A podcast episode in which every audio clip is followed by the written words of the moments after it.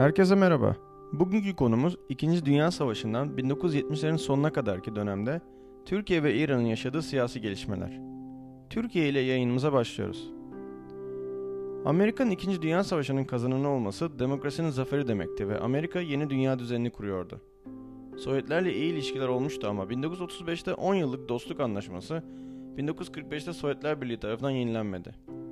Aksine Sovyetler Kars Ardahan'ın geri verilmesini ve Boğazlar'da ortak Rus-Türk savunma gücü talep ediyordu. Üstelik Amerikalılar ve İngilizler Sovyet isteklerine karşı ses çıkarmıyordu. Gene de Sovyetlerin Doğu Avrupa ve Almanya'da Amerikan çıkarlarına aykırı hareket etmeye başlaması, Soğuk Savaş'ın ilk adımlarıydı ve Amerika, Türkiye'nin önemli olduğunu düşünmeye başlamıştı ve Sovyet istekleri, Ağustos 1946'da resmen Türkiye'ye iletildiğinde Amerika'nın desteğiyle Türkiye tarafından reddedildi. 12 Mart 1947'de Truman doktriniyle komünizme savaş ilan ediliyordu ve Türkiye Amerika'nın koruması altındaydı. Amerika ise Türkiye'den demokratik bir sistem kurmasını bekliyordu ve çok partili sisteme geçiş Amerikan desteği için zorunlu hale gelmişti. İlk parti 5, 5 Eylül 1945'te iş adamı Nuri Demirağ tarafından Milli Kalkınma Partisi ile kuruldu. Pek sesini duyuramadı ve destek bulamadı. Esas önemli gelişme İnönü'nün küçük çiftçileri toprak sahibi yapmak için istediği çiftçiliği topraklandırma kanunuydu. 500 dönümün üstünde toprağı olanlardan bu rakamın üstü istimlak edilecek ve dağıtılacaktı. 7 Haziran 1945'te CHP milletvekillerinden kendisi de Aydınlı bir toprak sahibi olan Adnan Menderes, Celal Bayar, Refik Koraltan, Fuat Köprülü dörtlü takrir dedikleri bir önerge verdiler. Önergeleri reddedildi ve ama gazete yazılarıyla muhalefete başladılar. Bunun üzerine CHP'den ihraç edildiler. 7 Ocak 1946'da Demokrat Parti resmen kuruldu. Seçimler 1947'den 1946'ya alındı. Bu yüzden sadece 465 sandalyenin 62'sini kazanabildiler. Partinin kıyası eleştirilere ve halktan gördüğü destek büyüyordu. Ama gene de hem iç hem de özellikle dış ilişkilerdeki gelişmeler, Soğuk Savaş'ın başlaması bu partiyi baskı hatta kapatma yapılmasına engel oluyordu. Temmuz 1947'de CHP, Temmuz Beyannamesi adlı bir bildiriyle muhalefeti meşrulaştırıyor, devletin tarafsız olmasını savunuyordu. CHP aynı sene çiftçiyi topraklandırma kanunu geri çekti ve serbest girişime destek sözü verdi. Ayrıca okullarda din eğitimi konuldu ve köy enstitülerini komünist ajitasyon merkezi eleştirilerinden dolayı sadece öğretmen okuluna çevirdi. Demokrat Parti içinde bir kısım milletvekilleri DP'yi yumuşak olduğu için ayrıldılar ve Genelkurmay Başkanlığından azledildiği için İnönü'ye kızgın olan Fevzi Çakmak ile birlikte Millet Partisi'ni kurdular. Seçim yasası da muhalefetin isteğine uygun hale getirildi ve seçimlerin denetimi yargıya bırakıldı. 1947 yılı hem siyasal reform hem de ekonomik reformlar açısından önemliydi. 1946'da yayınlanan 7 Eylül kararları daha liberal bir ekonomi hedefliyordu. 1946'da ilan edilen yeni 5 yıllık kalkınma planı 1947'de iptal edildi. İstanbul'u iş adamlarının kurduğu İstanbul Tüccar Derneği ve DP isteklerini yansıtan yeni Türk Kalkınma Planı benimsendi. Serbest girişim, tarımın, tarıma dayalı sanayinin demir yollarına, karayollarına yatırım sözü verilmişti. Kasım 1947'de bu planın kabul edilmesiyle CHP ile DP ekonomik siyasetleri aynı olmuştu. 1948'de İstanbul'da 2. İktisat Kongresi düzenlendi. Amerikan inceleme heyetleri, Amerikan yardımının aynen 1947'de kabul edilen kalkınma planına göre verilmesini açıklamıştı.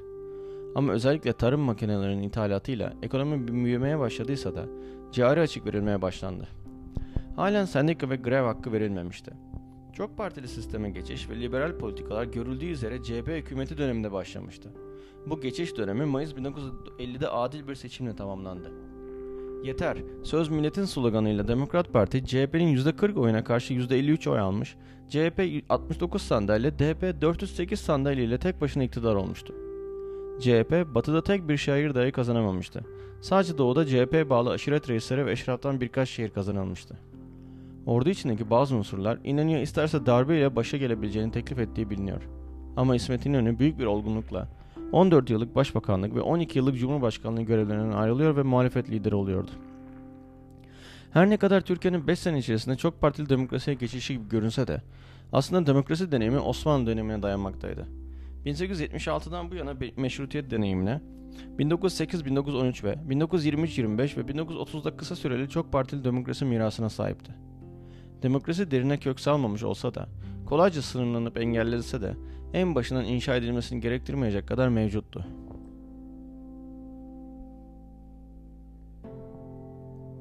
Demokrat Parti'nin Mayıs 1950'deki seçim zaferi modern Türk siyasal tarihinde bir dönüm noktası olmuştu.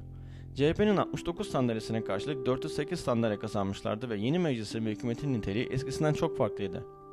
DP milletvekilleri daha gençti, seçim bölgeleriyle daha köklü ilişkileri vardı, ticaret geçmişi daha fazlaydı. CHP ile en büyük fark asker veya bürokratik geçmişi olan kimsenin olmamasıydı. Türkiye seçkinlerinin aile farklı bir kesiminin iktidara gelmiş olduğu açıktı. Cumhurbaşkanı Celal Bayar, Başbakan Adnan Menderes oldu. Menderes aynı zamanda parti başkanı sıfatını da korudu. Liberal serbest pazar ekonomisine ilk geçiş Menderes ile değil, İnönü hükümetinin 1947'de almış olduğu kararlardı ve ilk Marshall yardımının traktörleri 1949'da gelmişti. Demokratlar da liberalizmin savunucu olarak bu tutumu sürdürdüler. Amerikan raporlarında vurguladığı gibi ağır sanayi yatırımları yerine tarımsal alanda yatırım ve gelişme yapılmalı, tarımsal üretim arttırılmalı ve tarımsal sanayi geliştirilmeliydi. Çiftçiye ucuz kredi ve tarım ürünleri fiyatlarının yüksek tutulması gerekiyordu. 1952'ye kadar 1750 traktör 30 bine yükselmişti ve ekip biçilen 14,5 hektar 22,5 hektara çıkmıştı. Çok iyi giden hava koşullarının etkisiyle tarım ürünleri bollaştı, ekonomi %13 büyümüştü. Karayolu ağı, inşaat sanayi ve tarım sanayi yatırımlarını devlet yapmak zorunda kalmıştı. 1600 kilometrelik karayolu 5400 kilometreye yükselmişti. Demir yolu yapımı ise durmuştu. Trenlerle taşımacılıktan kamyon taşıyıcılığına geçiş olmuştu. Yabancı sermayenin eksikliği ve özel yatırımcının isteksizliği ve sınırlı sermaye devlet işletmelerinin özelleştirilmesi projesini iptal etmişti. Tüm tarımsal teşviklere rağmen 1950'lerde kırsal kesimden kentlere kitlesel bir göç başlamıştı. Sanayi bu kadar büyük bir nüfusa iş vermek için yetersizdi ve çoğu geçici işçi ya da sokak satıcısı oluyordu. Eskiden mevsimlik olarak şehre gelip çalışırlarken artık tüm mahallesiyle gelip yerleşiyorlardı ve şehir dışlarında kendi evlerini inşa ederek gece kondu mahalleleri kurmaya başladılar. Türk, to Türk toplumundaki gerilimin ilk derecesi ilk kez Eylül 1955'te patlak verdi. Kıbrıs'ın geleceği konusunda haberler milletçi bir coşku yaratıyordu. Türk kökenli bir Yunan vatandaşı Selanik'te Türk konsolosluğunu Atatürk'ün evine bir bomba yerleştirmişti. Menderes'in İstanbul'da öğrencilere kendinden oluşan bir gösteri yaptırma amacı taşıdığı, böylelikle uluslararası görüşmelerde kararlılığımızı gösterme amacı taşıdığı düşünülüyor. Ama 6-7 Eylül'de gösteriler denetimden çıkmış ve önce Rumların iş yerlerini yakıp yıkmaya, sonra da görünürdeki malın yağmasına dönüşmüştü. Toplam 5622 konut yağmalanmıştı. Hükümet sıkı yönetimi ilan etmişti. İkinci Dünya Savaşı sonrası dönemde bilhassa 10 yıllık DP dönemi Türkiye'nin sadece ekonomi alanında değil, dış siyaset ve savunma alanlarında da yoğun şekilde dünya kapitalist sistemiyle birleşip onun bir parçasının haline geldiği bir dönem oldu. Kemalizmin dış ilişkilerdeki ihtiyatlı tarafsız siyasetinden Batı bloğuna geçiş anlamına geliyordu. Demokratlar 1950'de iktidara geldiğinde Türkiye zaten Truman Doktrini ve Marshall yardımlarının bir parçası olmuş, Avrupa Konseyi'nin üyesiydi. Yeni hükümet Ağustos 1950'de NATO üyeliği için başvuruda bulundu. Aynı dönemde çıkan Kore Savaşı'na 25 bin Türk askeri gönderildi ve 6 binin üzerine kayıp verildi. Bu fedakarlık Türkiye'ye NATO üyeliğini getirdi. NATO, Sovyet tehdidine karşı bir güvenceydi. Batı yardımını ve borç para akışını sağlayacaktı. Duygusal açıdan ise Türkiye'nin batılı uluslar tarafından eşit kabul görüldüğünü simgeliyordu. ABD Dış İşleri Bakanı Dulles'in Sovyet bloğunu bölgesel ittifaklarla kuşatma girişiminde Türkiye kilit bir unsurdu. Türkiye 1949'da İsrail'i tanımıştı ve Arap ülkeleri arası iyi değildi. Türk-Mısır ittifakı mümkün olmamıştı. 1954'te ikinci girişim Pakistan'la işbirliği anlaşmasıydı. 1955'te imzalanan Bağdat Paktı'na Irak, İran, İngiltere ve Pakistan katıldı. 1955'ten sonraki dönemde Mısırlı Nasır'ın başlattığı Arap milliyetçiliği Amerika'nın etkisini kırıyordu. Türkiye ve Bağdat Paktı ülkeleri Batı'nın kuklası olarak görülüyordu. 1957'de Türkiye'nin Suriye askeri hareket isteği Mısır ve Suriye'nin yardıma gelmesiyle gerçekleşmedi. 1958'de Irak'ta bir darbeyle Dost Irak hükümeti devrildi. Türkiye Irak'a saldırmak istediyse de Amerika tarafından engellendi. Irak'ta iki yeni yönetim Bağdat Paktı'ndan çekildi. Yeni örgütün adı SENT olarak değiştirildi ve ABD üye oldu. Etkili bir örgüt olamadı. Türkiye'nin Balkanlardaki esas sorunu Sovyet kuklası Bulgaristan'da. Türkiye'nin Kore Savaşı'na katılması üzerine 250 bin kadar Müslüman ülkeden kovmuştu. Böyle bir göçe hazırlıksız yakalanan Türkiye, sınırlarını kapatıysa da sonra açtı ama bu sefer Bulgarlar Müslümanların gitmesine izin vermedi. Benzer bir bunalımı 40 sene sonra gene yapacaklardı. 1953'te imzalanan Balkan Paktı'na Türkiye, Yunanistan ve Yugoslavya üye oldular. Yugoslavya komünistti ama Sovyet karşıtıydı. Türkiye'nin o yıllarda en iyi ilişki kurduğu ülke Yunanistan'dı. Ta ki 1954'te Kıbrıs'ta olaylar patlak verene kadar. Eski bir Osmanlı adası olan, adası olan Kıbrıs İngilizlerin yönetimindeydi. Adanın %80'i Rum, %20'si Türktü. Adanın Yunanistan ile birleşmesi amacıyla EOKA terör örgütü terör saldırılarına başlamıştı. Türk-Yunan sınırı fiilen iki katına çıkacaktı ve Türk nüfus adadan sürülecekti. Bu kabul edilemezdi. Türkiye adanın bölünmesini savunuyordu. 1958 ve 1959 Londra anlaşmalarıyla Kıbrıs bağımsız bir cumhuriyet olacaktı. Bu devletin bağımsızlığı ve anayasal düzeni İngiltere, Yunanistan ve Türkiye'nin garantisi altındaydı. 1960'da Kıbrıs Cumhuriyeti kuruldu ve ilk Cumhurbaşkanı Başpiskopos Makarios oldu. Gerek Kıbrıs'ta olsun, gerek Bulgaristan, Irak ve Orta Asya'da olsun dış Türkler dediğimiz kültürel dinsel baskılar altındaydılar ve Türk siyaseti yayılmacı işgalci bir politikaya sahip olmamakla birlikte eski imparatorluğun geride bıraktığı bu topluluklara karşı duygusal bağ kuruyordu. Kamuoyunun hassas olduğu bir konuydu. 18 Nisan 1960'da muhalefetin faaliyetlerini soruşturmak için bir tahkikat komisyonu kuruldu. Meclis dışında bütün siyasal fa- faaliyetler yasaklanmıştı. Tahkikat komisyonuna karşı öğrenciler ve akademisyenler protesto gösterilerine başladılar. Bir öğrenci öldürüldü. 21 Mayıs'ta Harp Okulu öğrencileri sessiz bir yürüyüş yaptılar. Sansür kısıtlamaları nedeniyle bu gösterileri yayınlayamayan basın Güney Kore'de Başkan Ri'yi devirmiş öğrenci gösterilerini geniş yer ayırmıştı. 25 Mayıs'ta Menderes Tahkikat Komisyonu'nun çalışmalarının planlandığı üzere 3 ay yerine 1 ayda tamamlandığını ve açıklamalar yapacağını duyurdu. Bu komisyonun CHP ile ordu arasındaki ilişkileri soruşturduğu biliniyordu ve bu yüzden ordu içerisindeki gizli grup harekete geçti. 27 Mayıs 1960 sabahı ordu birlikleri Ankara ve İstanbul'daki hükümet binalarına el koydu. Menderes ve Bayar dahil bütün DP'li bakan ve milletvekilleri tutuklandı. 16 ve 17 Eylül 1961'de Menderes ve bakanlar Zorlu ve Polatkan idam edildiler.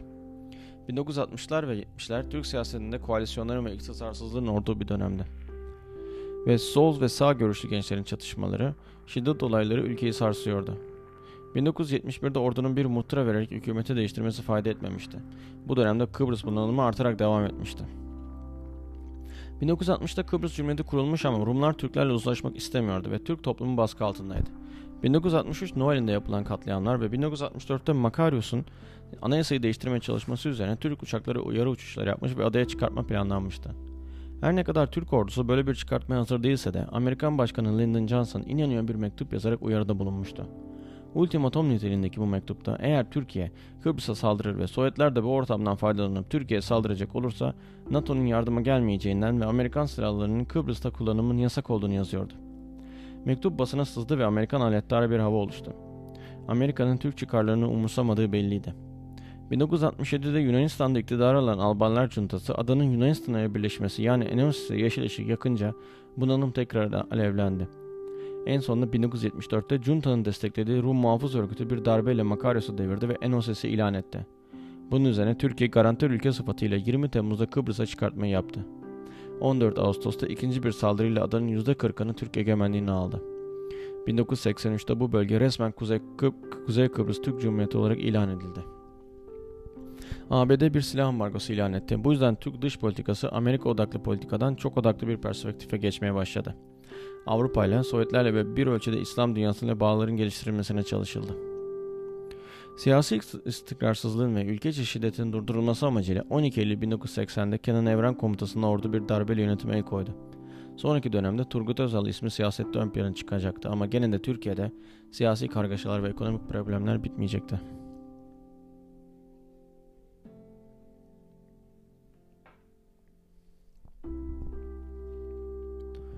Şimdi biraz da İran üzerine konuşalım istiyorum.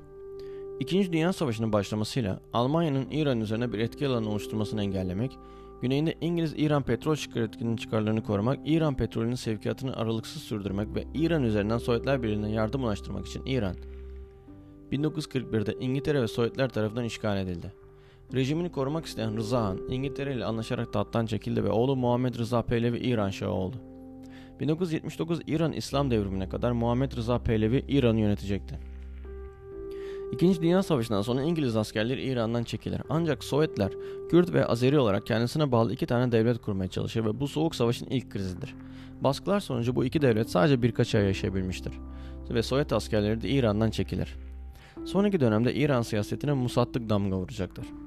Zengin bir aileden gelen ve Avrupa'da eğitim görmüş olan Musaddık, İran meclisinde etkili bir ses olacak ve İran'ın tam bağımsızlığını savunan bir figür olacaktır.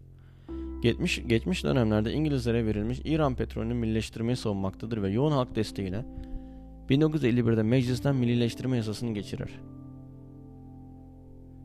Tüm Avrupa ülkeleri İran'a ambargo uygulamaya başlar. Musaddık artan popülaritesinden faydalanmak istemekte ve meclisten kendisini başbakan olarak olağanüstü yetkilerle atamasını istemektedir. Ancak İran ekonomisine uygulanan ambargo ekonomiyi kötü etkilemektedir ve Musaddığın desteği azalmaya başlamıştır. Ayrıca Şah, Musaddığı kendisine bir rakip olarak görmektedir. CIA ajanlarının Şah'ın adamlarına destek vermesiyle 1953'te Musaddığa bir darbe yapıldı ve Musaddık tutuklanarak ev hapsine alınır. Şah ve Amerika ve İngiltere'nin yardımıyla otoritesini korumayı başarmış ve potansiyel bir rakip olarak Musaddık'tan kurtulmuştur.